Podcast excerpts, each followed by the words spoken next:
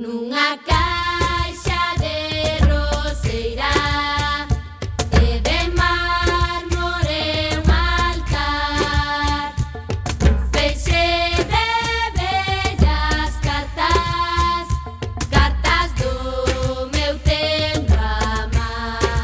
Ola, que tal xente recendeira que nos escoitades a través da internet? Benvidas, benvidos a este espazo único, radiofónico, semanal, adecado á cultura e que facemos en rigoroso directo todos os martes ás 7 da tarde na emisora na Radio Comunitaria da Coruña que non é outra que Cuac FM.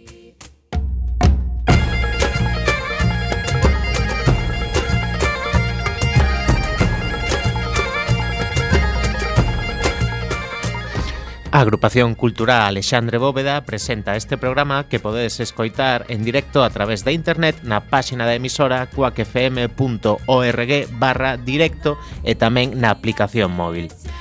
Ei, compañeiras, se non chegaches a tempo, non tes excusa. Podes descargar todos os programas emitidos tecleando cuacfm.org barra radioco barra programes con doble M barra recendo ou escoitalo na redifusión que será os mércores ás 8 da mañá, os venres ás 12 e ás 12 horas e na madrugada do domingo o luns ás 12 pero nesta ocasión da noite.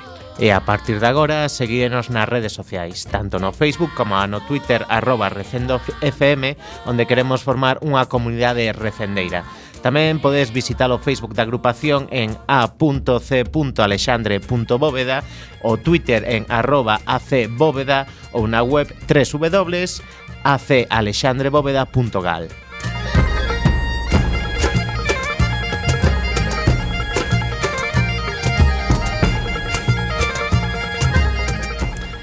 Imos cara xa, sen máis, na procura desta sempre fantástica aventura cultural co gran Roberto Catoira no control técnico e falándolles coa alma inteira Javi Pereira na locución. E tamén Manu Castiñeira.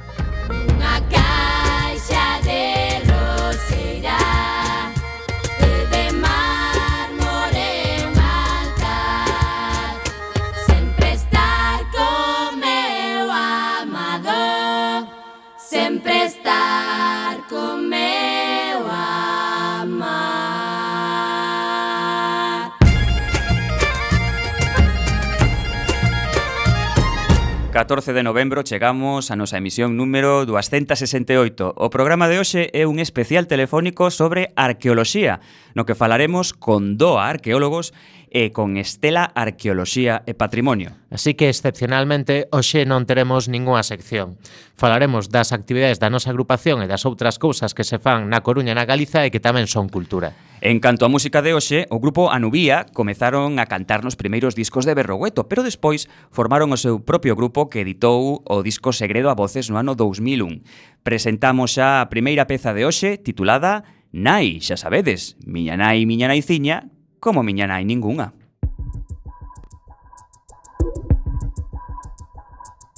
Miña nai, miña nai, piña, como miña nai ningunha, que me quentou a cariña co caloriño da súa co caloriño da súa e ele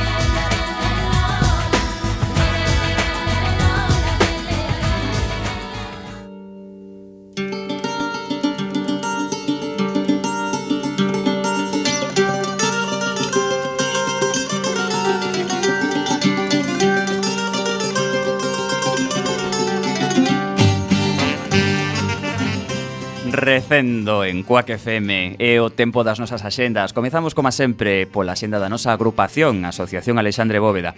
O xoves, día 16, que é pasado mañá, O grande evento deste día, desta semana, é a 21ª edición do Memorial de Teatro Amador Iván Toxeiro, que xerará en torno ao Teatro do Exilio.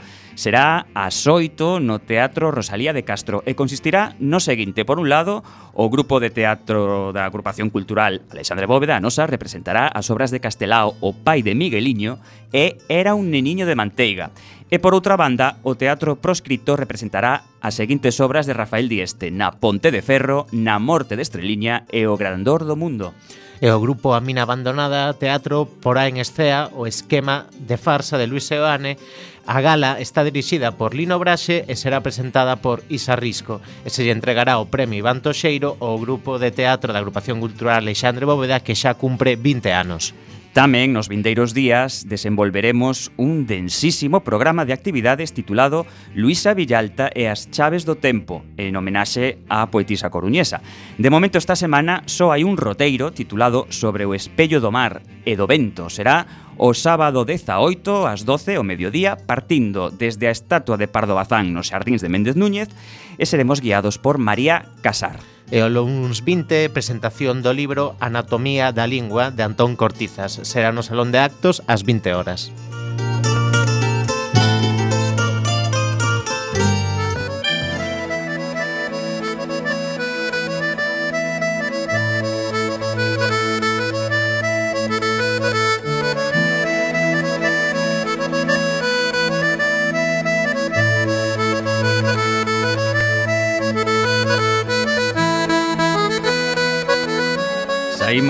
da nosa agrupación e nos adicamos agora ao ámbito local, a xenda de Coruña. Comezamos polo ámbito audiovisual no Cegai, entre outras proxeccións, continúan co ciclo que celebra o centenario do nacemento de Fernando Rey. O mércores, mañá, poderemos ver a película italiana Pascualino, Sete Belezas, o xoves a americana Quinteto e o venres a española Padre Nuestro. As dúas primeiras, por certo, rodadas no estranxeiro, con subtítulos en galego. Falamos agora das artes escénicas, de raíz é un espectáculo de danza étnica no que se poderá disfrutar de danzas tribais, danzas indias, danzas da Polinesia, xiro sufí e flamenco fusións, acompañado tanto por música como a por voz. Será o só 18 ás 20.30 no Foro Metropolitano. E visítanos de novo o fantástico grupo de galego de teatro Sarabela para presentar normas para saber vivir na sociedade actual de Jean-Luc Lagarde. Será o Benres de 17 e o sábado 18 ás 20:30 no Teatro Rosalía.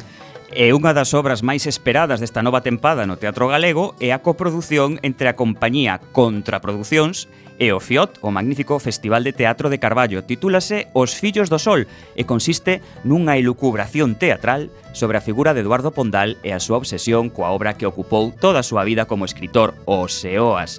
Coa garantía de Cándido Pazón na dirección e no texto, poderemos vela os xoves 16 ás 8 e media da tarde no Teatro Colón. Falamos agora de música. El Acorde Secreto é un grupo vocal composto por unhas 30 persoas creado no 2014 que canta unha gran variedade de cancións do século XX e actuais, espirituais, rock e jazz. Está dirixida e fundada por Daniel Artes e cantarán pezas de Nirvana, Lady Gaga, Radiohead, Europe, Coldplay e outros artistas. Será o Benres 17 ás 7 da tarde no Fórum Metropolitano. E os históricos Sex Museum veñen a festa de aniversario da Mardi Gras. Tocarán serán o Benres 17 e o sábado 18 ás 11 horas. Pero ollo, o repertorio será diferente. O Benres teredes a Sex Night e o sábado a Museum Night. Imos con literatura e recibimos o senegalés Cheikh Fayé, asentado na nosa cidade, que segue presentando o libro, a ver como estamos de idioma Wolof, Ser Modu Modu, ou algo así. Esta vez será o mércores 15, mañá, ás sete e media da tarde, na Biblioteca da Sagrada Familia. E chega tamén unha nova edición do fermosísimo ciclo de recitais poetas diversos d'inversos. Nesta ocasión, Xosé Luis Méndez Ferrín recitará co chileno Raúl Zurita. E isto vai ser o Benres día 20 ás 8 e media da tarde no Agora. No que toca exposicións, estes días inaugúrase a exposición Apartamento de Antonio Murado na Galería Ana Vilaseco que poderá verse ata finais de xaneiro. E tamén nesta semana inaugúrase na Fundación Luis Seoane unha exposición titulada Como se imprime un libro que trata sobre grafistas e impresores en Bos Aires entre o ano 1936 e 1950.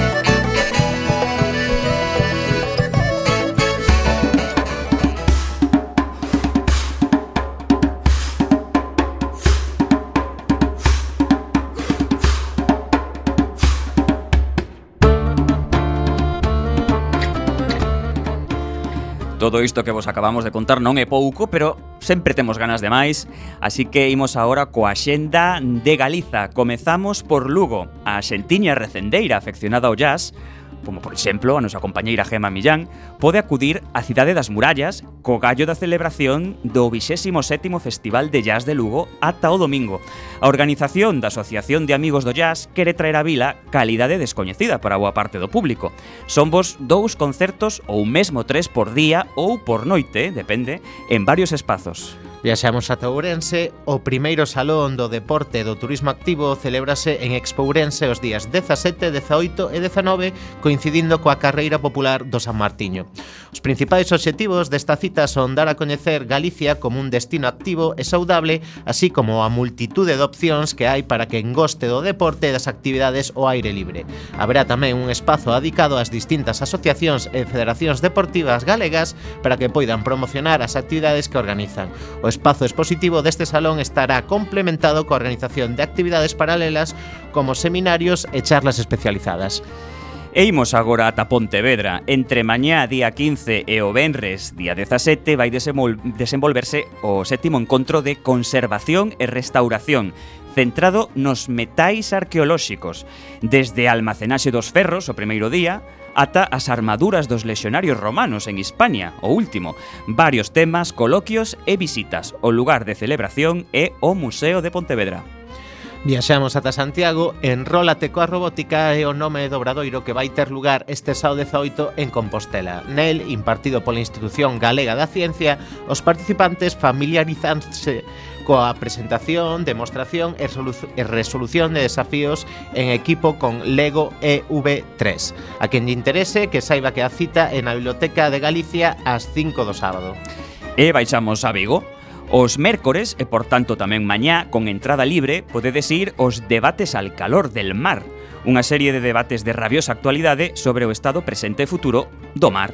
O tema de mañá é descartar ou non descartar. Imos cara a unha pesca sostible por Xulio Valeiras. É a sete e media da tarde en Tinta Negra, na rúa Irmandiños número 2. Pegamos un chimpo ata Ferrol, temos a terceira mostra coral galega, un concerto que vai prestar especial atención ás novas composicións corais galegas e aos novos arranxos de música galega xa publicada. Participan a coral Trasdeza de Silleda, a coral Abrente de Pobro do Caramiñal e a coral Beluso de Bueu, así como a coral Diapasón de Ferrol, e vai ser o domingo 19 ás 6 da tarde no auditorio. E rematando a xenda galega, hoxe convidamos a Oleiros. O próximo sábado 18, a parroquia de Dexo celebra a cuarta festa da Centola no Porto del Orbé. Quen asista a este evento gastronómico poderá degustar este marisco a partir da unha da tarde a prezos populares e gozar coa animación musical. Apúntannos tamén que haberá mexillóns.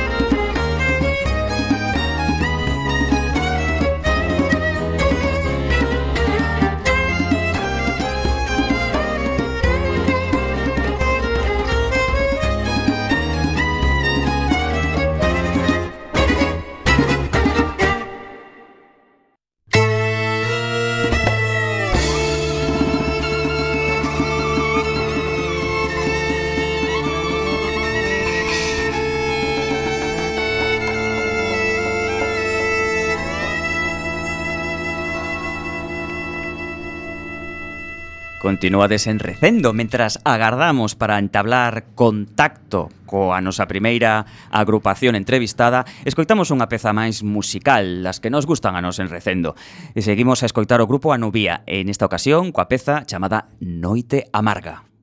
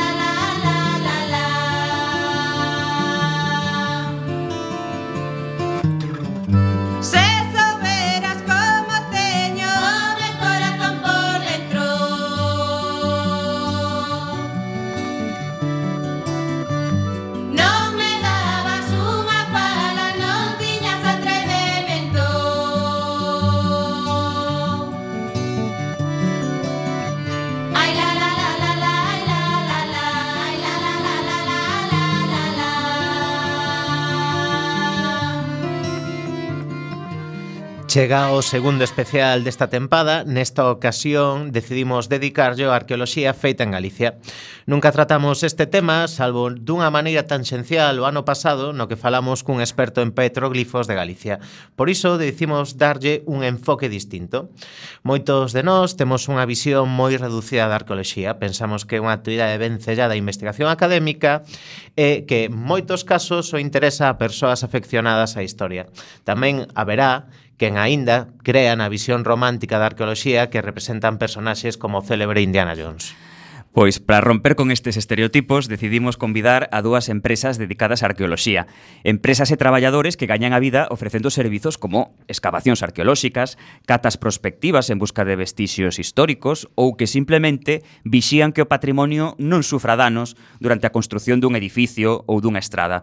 Para contarnos máis sobre este mundo, temos hoxe connosco a DOA Arqueólogos e a Estela Arqueoloxía e Patrimonio. Colle de apá, porque imos cavar durante un anaquiño. Do Arqueólogos é unha cooperativa ubicada en Teo, formada no 2001. DOA está composto por arqueólogos concienciados pola necesidade de dar respostas profesionais ás novas necesidades aparecidas no eido do patrimonio cultural.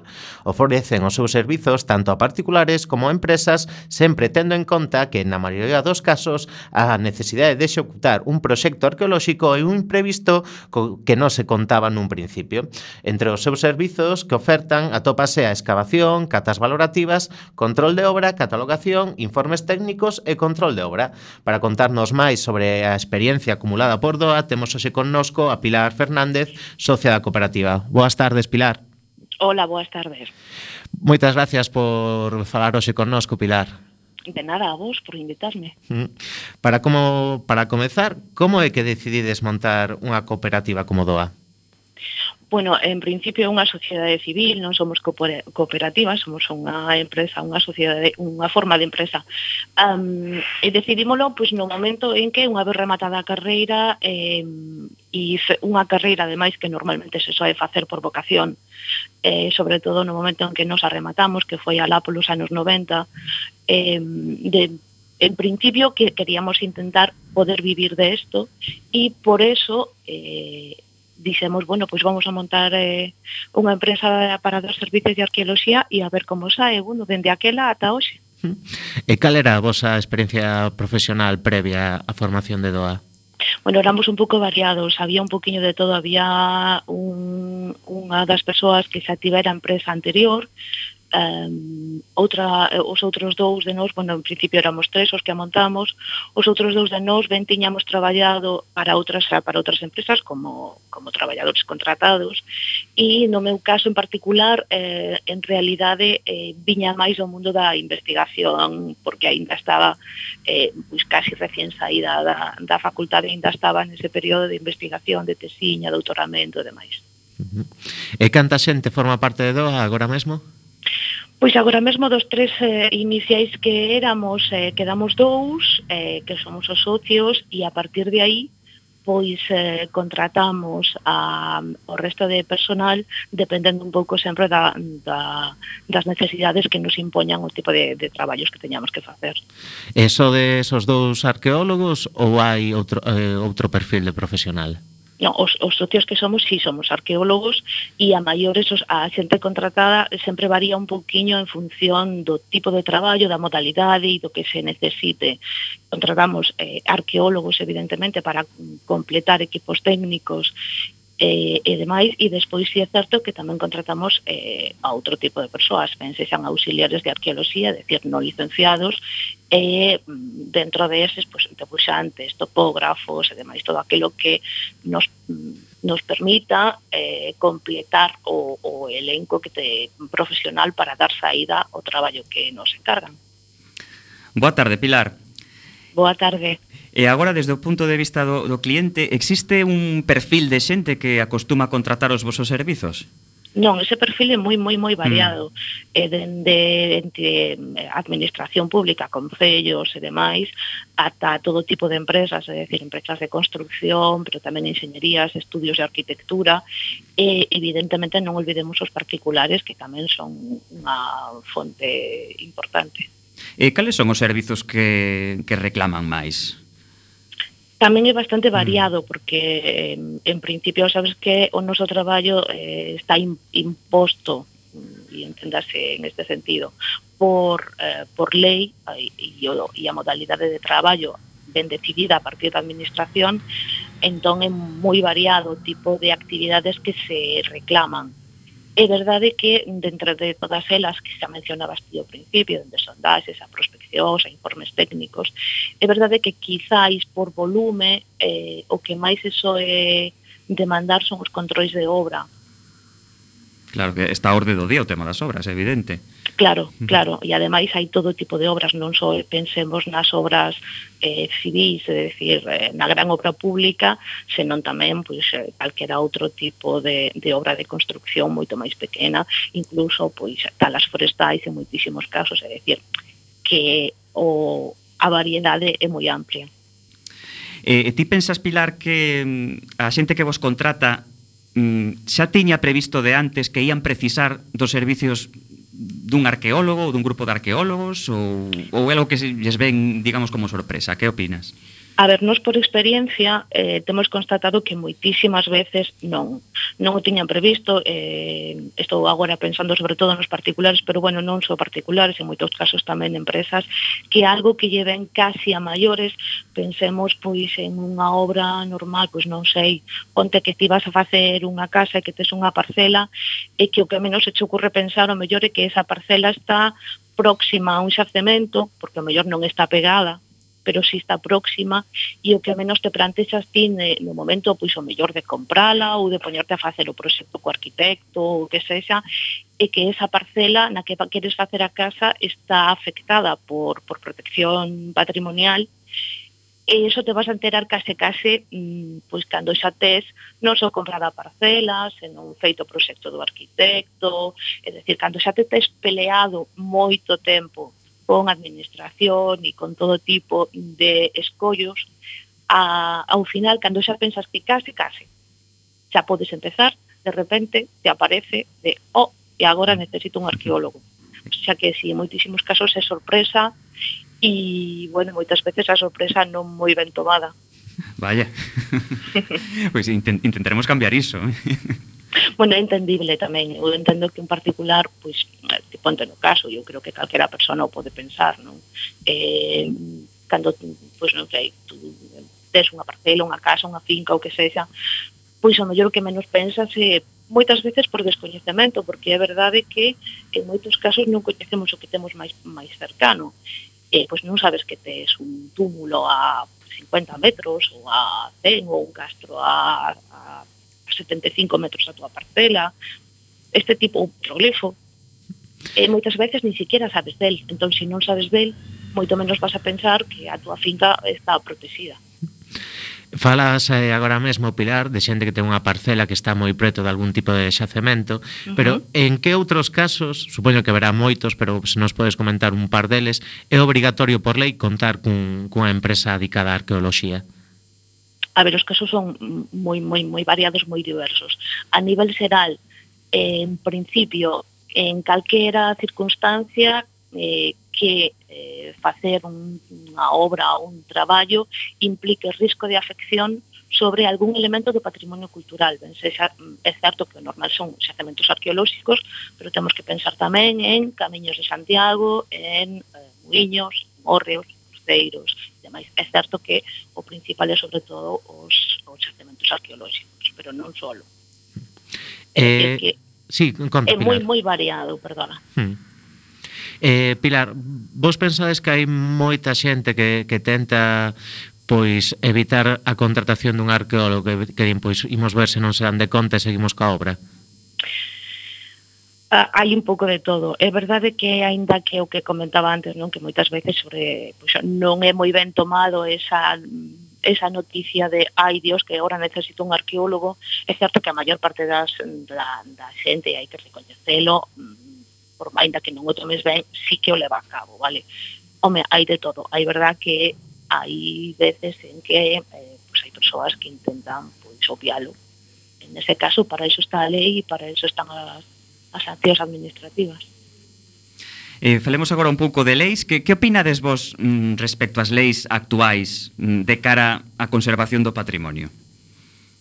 A ver, sempre son mellorables, é evidente. Hmm. Eh, agora mesmo, e home, eso se está vendo, e, e se de feito hoxe estamos falando de empresas de arqueoloxía é porque cando menos empezamos a sonar, se hai estes esta, estes, digamos, pues, non sei, 10, 15, 20 anos, sobre todo estes 10 anos ou 5 anos para que depende, eh, empezase xa a sonar e a sonar a, os arqueólogos, as empresas de arqueoloxía. Entón, eso evidentemente ten moito que ver cos desenvolvementos das leis e con que as leis estén eh, cada vez actuando máis na, no sentido da protección do patrimonio. Uh Falta moito, sí, falta moito. Un exemplo claro, bueno, pois que boa parte dos concellos de, de Galicia aínda hoxe non teñen eh, desenvolvidos os seus plans xerais ou, ou aprobados. E, ou en canto a plans especiais de protección, pois pensemos en cascos históricos ou núcleos históricos, en moitas vilas, xa non sociedades. Eh, aínda falta moito, evidentemente, canto máis se desenvolvan, mellor se fará a protección do patrimonio. Eh, quizáis eh, se as leis fosen máis celosas coa protección do patrimonio, pois empresas como a vosa mm, teríades máis traballo, pode ser? É evidente, claro. Canto máis exixa protexer o patrimonio, máis se van a solicitar a presencia de, de arqueólogos en determinadas actividades, sí. Uh Eh, cal é a diferencia, por exemplo, Pilar, entre unha excavación pois motivada por investigación histórica ou académica e unha excavación pois que, que se realiza por cumprir coa lei, digamos? A ver, en canto a método e a procedimento, eh, pouca. Eh, o que sí hai unha gran diferencia e é que unha excavación de investigación eh, pode permitirse, e entendáseme por favor con moitas comillas o, lu, o luxo, porque en realidade é, de programar unha necesidade específica para esa campaña, é dicir, podese facer en campañas, en campañas ao largo de anos ou meses, ou é dicir, podese plantexar de cara a futuro. Unha excavación de un, cando actúa unha empresa de arqueoloxía normalmente actúa por urxencia de obra.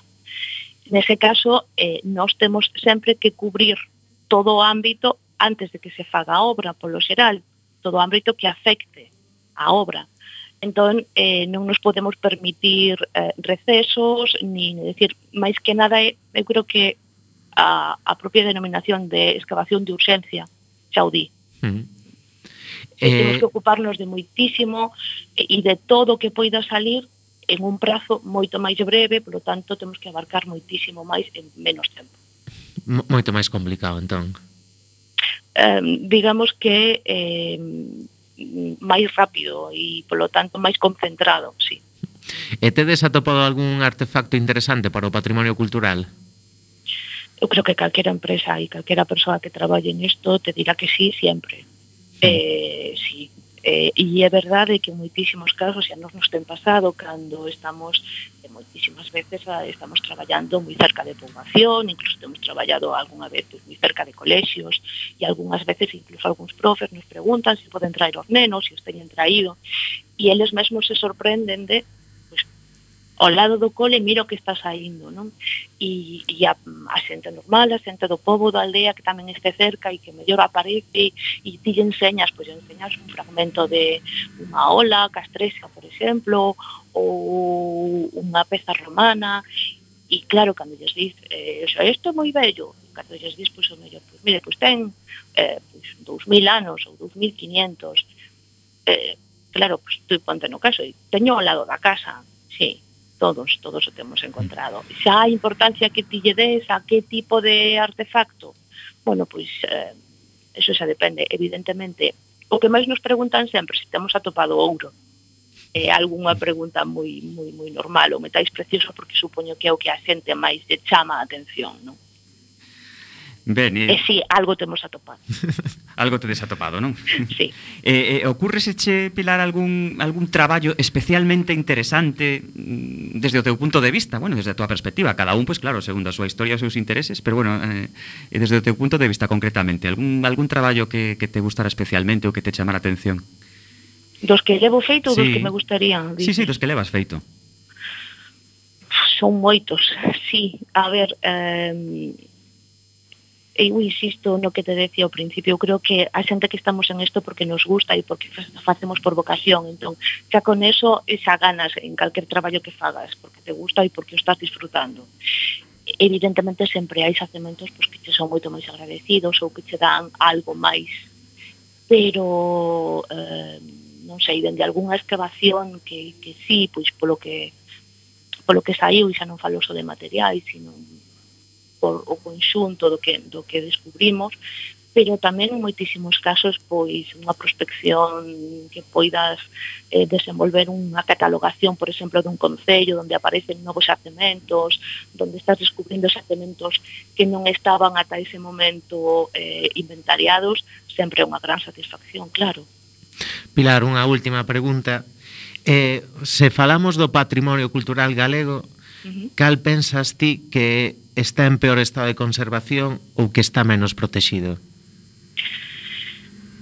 Difícil, pero, a ver, por experiencia, para min, eh, boa parte de él, porque boa parte de él está eh, no monte. E cando falo no monte, falo de parcelas eh, eh, a, en explotación, o sea, non en explotación, senón eh, en forestal. Sí, monte aberto que chamamos como un monte. Exactamente. Eh, e en moitísimos casos mm, a maior evidentemente eh, non están sinalizados, nin moito menos moitas veces nin siquiera os propietarios coñecen que teñen eso aí, co risco que eso supón. É dicir, xa non só pensemos agora aínda recentemente, non? Os incendios, hmm. os incendios que, que afectaron non quero meterme en eso porque evidentemente parece que son un pouco frívola ahora falando de patrimonio con todo o que afectaron os incendios a moitísimas outras cousas. Pero bueno, tamén o patrimonio sufre con os hmm. incendios. Un petroglifo que se xa queimado e sufre, evidente. Eh, esa, esa falta de protección, de cuidado e demais. E non só, pues, penso agora nos incendios, pero bueno, pues, eh, roturacións, ah, eh, camiños novos que se abren, si pensas que ese elemento ou ese xacemento non está señalizado, pois evidentemente corre, corre un risco moito, ademais.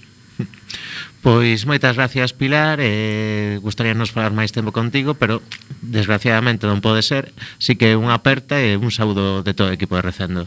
Moitas gracias a vos e un saúdo tamén. Ben, seguimos en Recendo escoitando un poquinho de música. As nosas protagonistas de hoxe son Anubia Nesta ocasión o tema leva un título como moi líquido H2O Música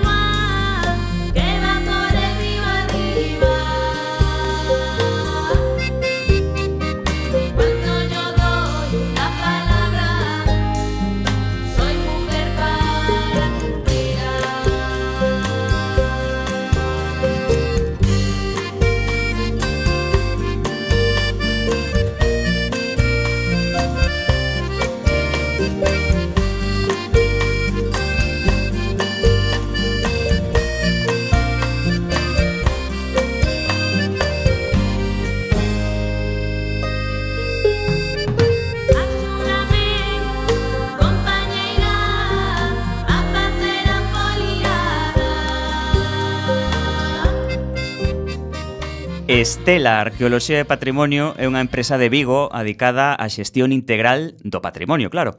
Un dos seus obxectivos é achegar este patrimonio á sociedade ofertando servizos de consultoría e asesoría patrimonial para calquera proxecto de índole arqueolóxica patrimonial.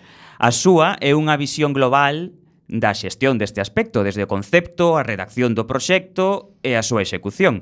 Así que os seus servizos van desde excavacións, control de obras, sondeos valorativos ou posta en valor de xacementos. Tamén ofrecen outros servizos máis vencellados á investigación histórica, que a arqueoloxía propiamente dita. Dentro deles atopamos pois estudos xenealóxicos, recollida de historia oral, e lendas ou estudos etnográficos e antropolóxicos. Para contarnos máis sobre todo isto e sobre estela e arqueoloxía en Galicia, temos hoxe connosco, outro lado do fío telefónico, a Francisco Toucido. Moi boa tarde, Francisco. Hola, moi boas tardes. Moitas grazas por concedernos estes minutos e falar connos aquí en Recendo. Un placer. Dinos, para comezar, como como naceu Estela, Estela Arqueoloxía e Patrimonio? Bueno, pois eh, Estela Arqueoloxía Patrimonio eh, nace, bueno, pois por unha vontade eh, dos, dos técnicos que formamos parte dela de, de axudar eh, na xestión do patrimonio e, de, e porque queremos nese patrimonio galego, nese patrimonio cultural que temos e que, que pensamos que de verdade merece a pena tanto o seu estudo como, como a súa divulgación, non? Mm. E canta xente formades parte Pois eh, eh, fijos estamos eh, dúas persoas e normal e despois eh, en función do proxecto, pois podemos estar ata unhas 10 persoas. Uh -huh. Eh, dinos, cal é a vosa procedencia? Tedes un perfil parecido? Como é? No, eh, temos eh, perfiles diferentes. Ah, temos un, eh, sí, eh, eh, o meu perfil, por exemplo, no meu caso particular é de, de, de, na rama da historia, a historia e a arqueoloxía, e o meu compañeiro é un perfil eh, máis máis naturalista, na rama da bioloxía. Entón, consideramos a todo eso eh, patrimonio, como non, como non pode ser de outra maneira, e nos inter, eh, traballamos conxuntamente. Sempre, pois, eh, non deixamos de lado o patrimonio natural, nin o patrimonio histórico. Ben, dúas visións complementarias, podemos entender, non? Completamente, eh, completamente. Que suman, completamente complementaria. Mm. Mm. Sí, hmm. hmm. aparte moi moi necesario, eh, porque non podemos ver o patrimonio eh, aí, como aillado da, da natureza que o, que o envolve, na, na nosa época ou en épocas pasadas. Eh, Por exemplo, Frank, eh, falamos da xente que vos contrata. Eh, soen ser particulares, empresas ou institucións públicas? Pois hai un, hai un pouquiño de todo. Eh, hai tanto institucións públicas, eh, depende un pouquiño como se gestionen os proxectos. Eh, eh, por exemplo, un, un concello está facendo un, unha obra de saneamento, por exemplo, na contorna dunha igrexa, e eh, aí, aí ten, que, eh, ten que estar presente un arqueólogo por si acaso eh, aparecen restos antigos relacionados con esa igrexa, non? Nese caso nos, nos contrataría o Concello. Noutro caso, pois se imaginamos que unha gran obra pública, por exemplo, o AVE, que o executa unha, unha constructora, pois esa constructora tamén, por exemplo, contrataría arqueólogos. Ou tamén pequenos promotores que nun, no casco vello de unha cidade, como Coruña ou Santiago, pois tamén eh, van a remodelar un edificio e tamén deben de facer un estudio arqueolóxico pois, para coñecer o pasado desa cidade. Hm? E a presenza dun arqueólogo nunha obra xa sexa de construción ou de acondicionamento soe ser vista como un problema engadido ou como unha oportunidade inesperada. Pois eh, a verdade é que a mentalidade cambiou moito de, de aquí uns anos. Eh, ao principio sí que, sí que bueno, había certo resquemor, pero hoxe en día eh, os ingenieros, os directores de obra, incluso en moitos casos o ven como unha oportunidade, porque en, en moitas obras incluso o que facemos é aportar valor a, a, ao remate final. Por exemplo, obras que, que, que se realizan pues, para, para facer un xardín, un, un aparcamento, etc. De repente salen restos que se poden integrar eh, dentro desa obra que se poden deixar a vista, se poden consolidar e deixar a vista, pois enriquecen a, a contorna, o coñecemento e, e a verdade é que é, é incluso un plus. E cal é o servizo que vos reclaman máis a miúdo? Pois outra vez o máis o máis eh, a miúdo é o, o control arqueolóxico. O control arqueolóxico que consiste en estar presente durante os traballos de remoción de obras. Se se fai a obra nunha, na, nunha contorna dun, dun elemento patrimonial, pois eh, eh mentre a pala excavadora está traballando, ten que estar o arqueólogo documentando todo o que se vai o que se vai removendo e por si pode haber restos do, do pasado. Mm.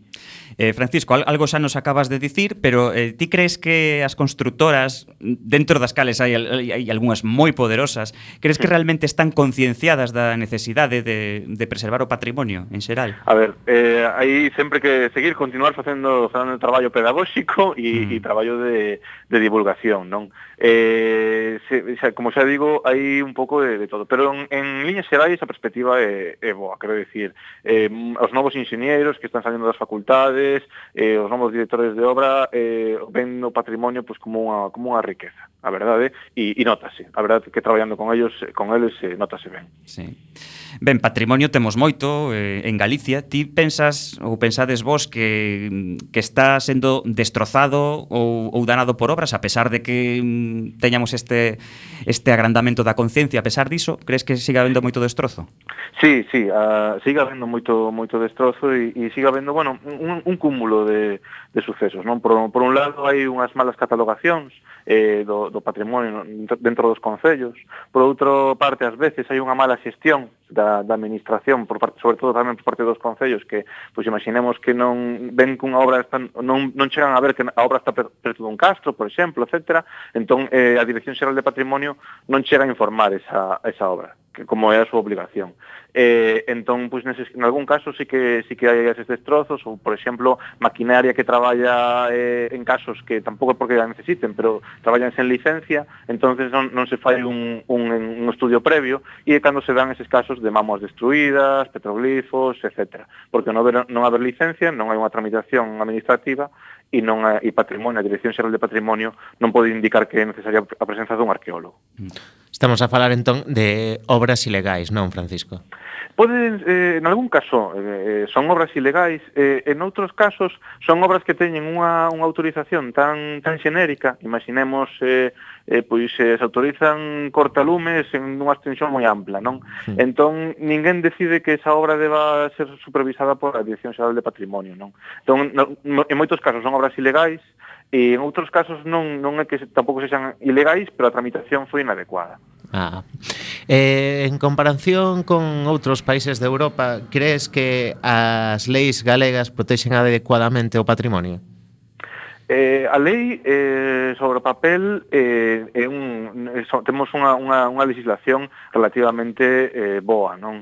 Eh, o malo é, é a aplicación. Eh, se nos comparamos con, con outros lugares de, de Europa ou da Península Ibérica, bueno, pues as, as nosas leis eh, eh, están, están a altura non? Da, da contorna. Eh, o malo é o que comentaba antes, eh, ainda que a lei eh, defende o patrimonio, si, si todos os engranaches da administración non traballan axitadamente, pois eh, é cando veñen os, os problemas. Entón, o principal problema, digamos, é, é un burocrático máis que o contido da lei. Sí, o principal problema, problema tal vez sexa burocrático. E tedes visto moitas defes, eh, desfeitas contra o noso patrimonio? Eh, bueno, tristemente, eh, sí, son, son comuns, eh, bueno, dende as máis básicas, eh, en forma de, de pintadas ou algún acto de vandalismo, ata xa as máis grandes que son a veces mm, irreversibles, como son con maquinaria pesada ou arrasamento de túmulos eh, e outros, e outros xacementos, non? Eh, de vez en cando, e eh, tristemente, sí que, sí que se ven ese tipo de, de actuacións. Eh, respecto aos servizos de investigación histórica, eh, eh hai algún tipo de traballo que vos reclamen máis? Pois eh, eh, últimamente, sobre todo, as, cando se fan intervencións en, en, en edificios históricos. Uh -huh. eh, por exemplo, pazos, eh, igrexas ou algún edificio de, de, de cascos bellos. Non? Eh, nese caso, cando se intervín nese, nese edificio, tamén hai que recoller para a posteridade pois, a historia, a memoria histórica dese edificio. É dicir, eh, se, eh, cando se construiu, eh, que se serviu sempre para o mesmo, a mesma función, se, se ten varias fases de edificación, etcétera todo eso é información que conforme van pasando os anos vaise perdendo, porque as fontes vanse perdendo, fontes orais da xente que, que, que o recorda e, e tristemente xa non, non sigue viva, ou eh, fontes documentais, de arquivos, etc., que, que non se conservan. Non? Entón, por eso é, é normal que cando se fan ese tipo de obras, para, para guardar a, a memoria e a historia de todos, pois sí que se encaren eses traballos. E iso, mm, quizáis ben máis promovido por empresas, non? eh, por, sí, en este caso máis eh, por estudos de arquitectura e tamén eh, pola propia Dirección Xeral de Patrimonio e, e moitas veces tamén os propios servicios de patrimonio municipais. Cando, cando os concellos contan cun casco histórico eh, un casco histórico importante, pois pues, adoitan ter eh, áreas, nas áreas de urbanismo servicios de patrimonio, de rehabilitación histórica, etc., na que traballan profesionais que, que están ben sellados co, co tema e que, e que adoitan pedir esos estudos, non? Sí, daquela sería interesante non implicar máis as empresas privadas na investigación histórica? Eh, sí, co, eh, completamente. Eh, vamos, eh, eh, dende, dende todas as perspectivas, eh? tanto dende, dende a construcción, porque moitas veces incluso a innovación en, en materiais, en técnicas de, de construcción tradicionais, eh, nos dan solucións a problemas que temos atu actualmente, por exemplo, problemas de ventilación, problemas de humidades, etc. Todo eso na, na arquitectura tradicional estaba presente e se solucionaba eh, dunha maneira tradicional, que hoxe en día en moitos casos está perdida, ou por, por exemplo a ebanistería, ebanistería tradicional, etc. Ou tamén, por, por exemplo, por suposto, no no, eido turístico e en moitos máis eidos eh, da economía. Bueno, dicir que eh, abrimos un montón de posibilidades, Francisco, con todo o que nos contas, ¿no? Eh, eh, que son aspectos nos que seguramente a priori pois nunca pensaríamos. Claro, eh, o bo que ten a, a historia está relacionado, bueno, nós cando, cando facemos unha saída guiada con, con rapaces sempre nos pregunta, preguntamos, sabedes o que é un arqueólogo? A maioría falan eh, de que somos eh, paleontólogos, ¿no? ah. porque estudamos dinosaurios. Sí, e non, sí. o que ten a historia que precisamente todo o contrario, estudamos todo relacionado co ser humano.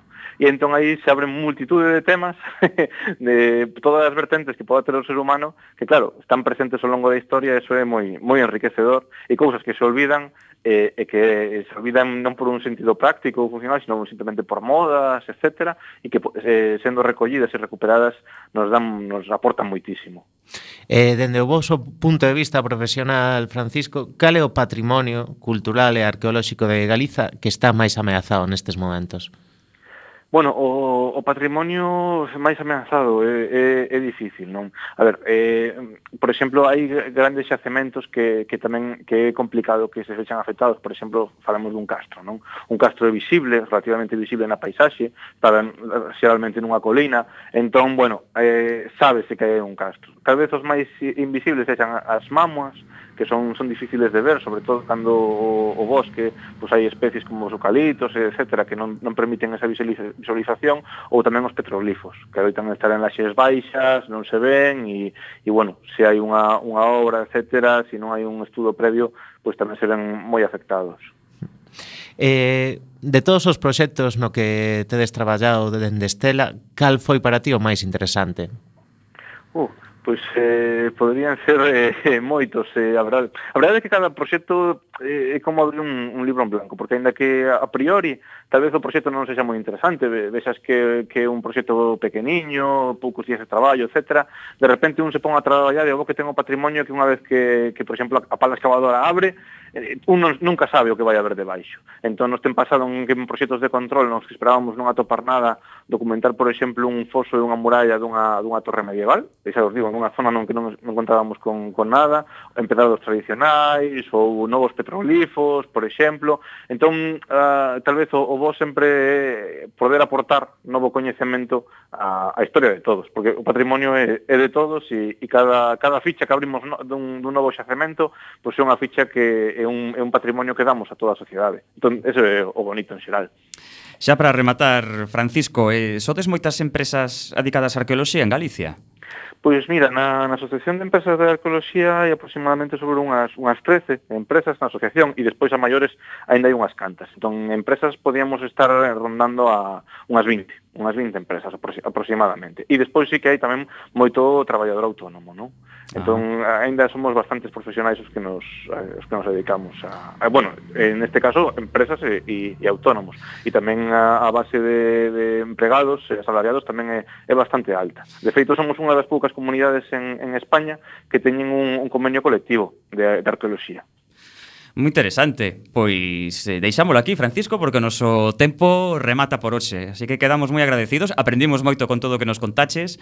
e, eh, eh, moita sorte con Estela. Ata outra ocasión, Francisco. Graciñas. Moitísimas grazas. Un placer. Ata logo. Ben, sen tempo para máis Odiseas Imos chegando a fin do camiño deste recendo de hoxe Despedimos a emisión agradecendo os nosos convidados que, coma sempre, foron de honra. Tivemos a Pilar Fernández de Doa Arqueólogos e acabamos de falar con Francisco Toucido de Estela Arqueoloxía e Patrimonio. E tamén temos que agradecer a semente pedra angular de todo, que non é outro que o noso equipo de produción que está formado por Gema Millán, Manu Castiñeira, Roberto Catoira e Javier Pereira. E ti mesmo. Eu mesmo, claro, claro. E hoxe estivemos aquí Roberto Catoira nos controis e coa lento non o micrófono Manu Castiñeira e de novo Javi Pereira. Efectivamente, acompañándote en este recendo de palabras, de imaxes radiofónicas que nos traen, nos traen este aroma cantado na nosa lingua e que nos permite hoxe e tamén no futuro a permanencia da palabra, da música e da implicación e o compromiso con esta nosa nación, a Galiza. Despedímonos xa ata o vindeiro martes ás 7 da tarde como sempre en directo nesta emisora Coac FM da Coruña. Xa sabedes, recendo as mil primaveras que terá o noso idioma. Irmano,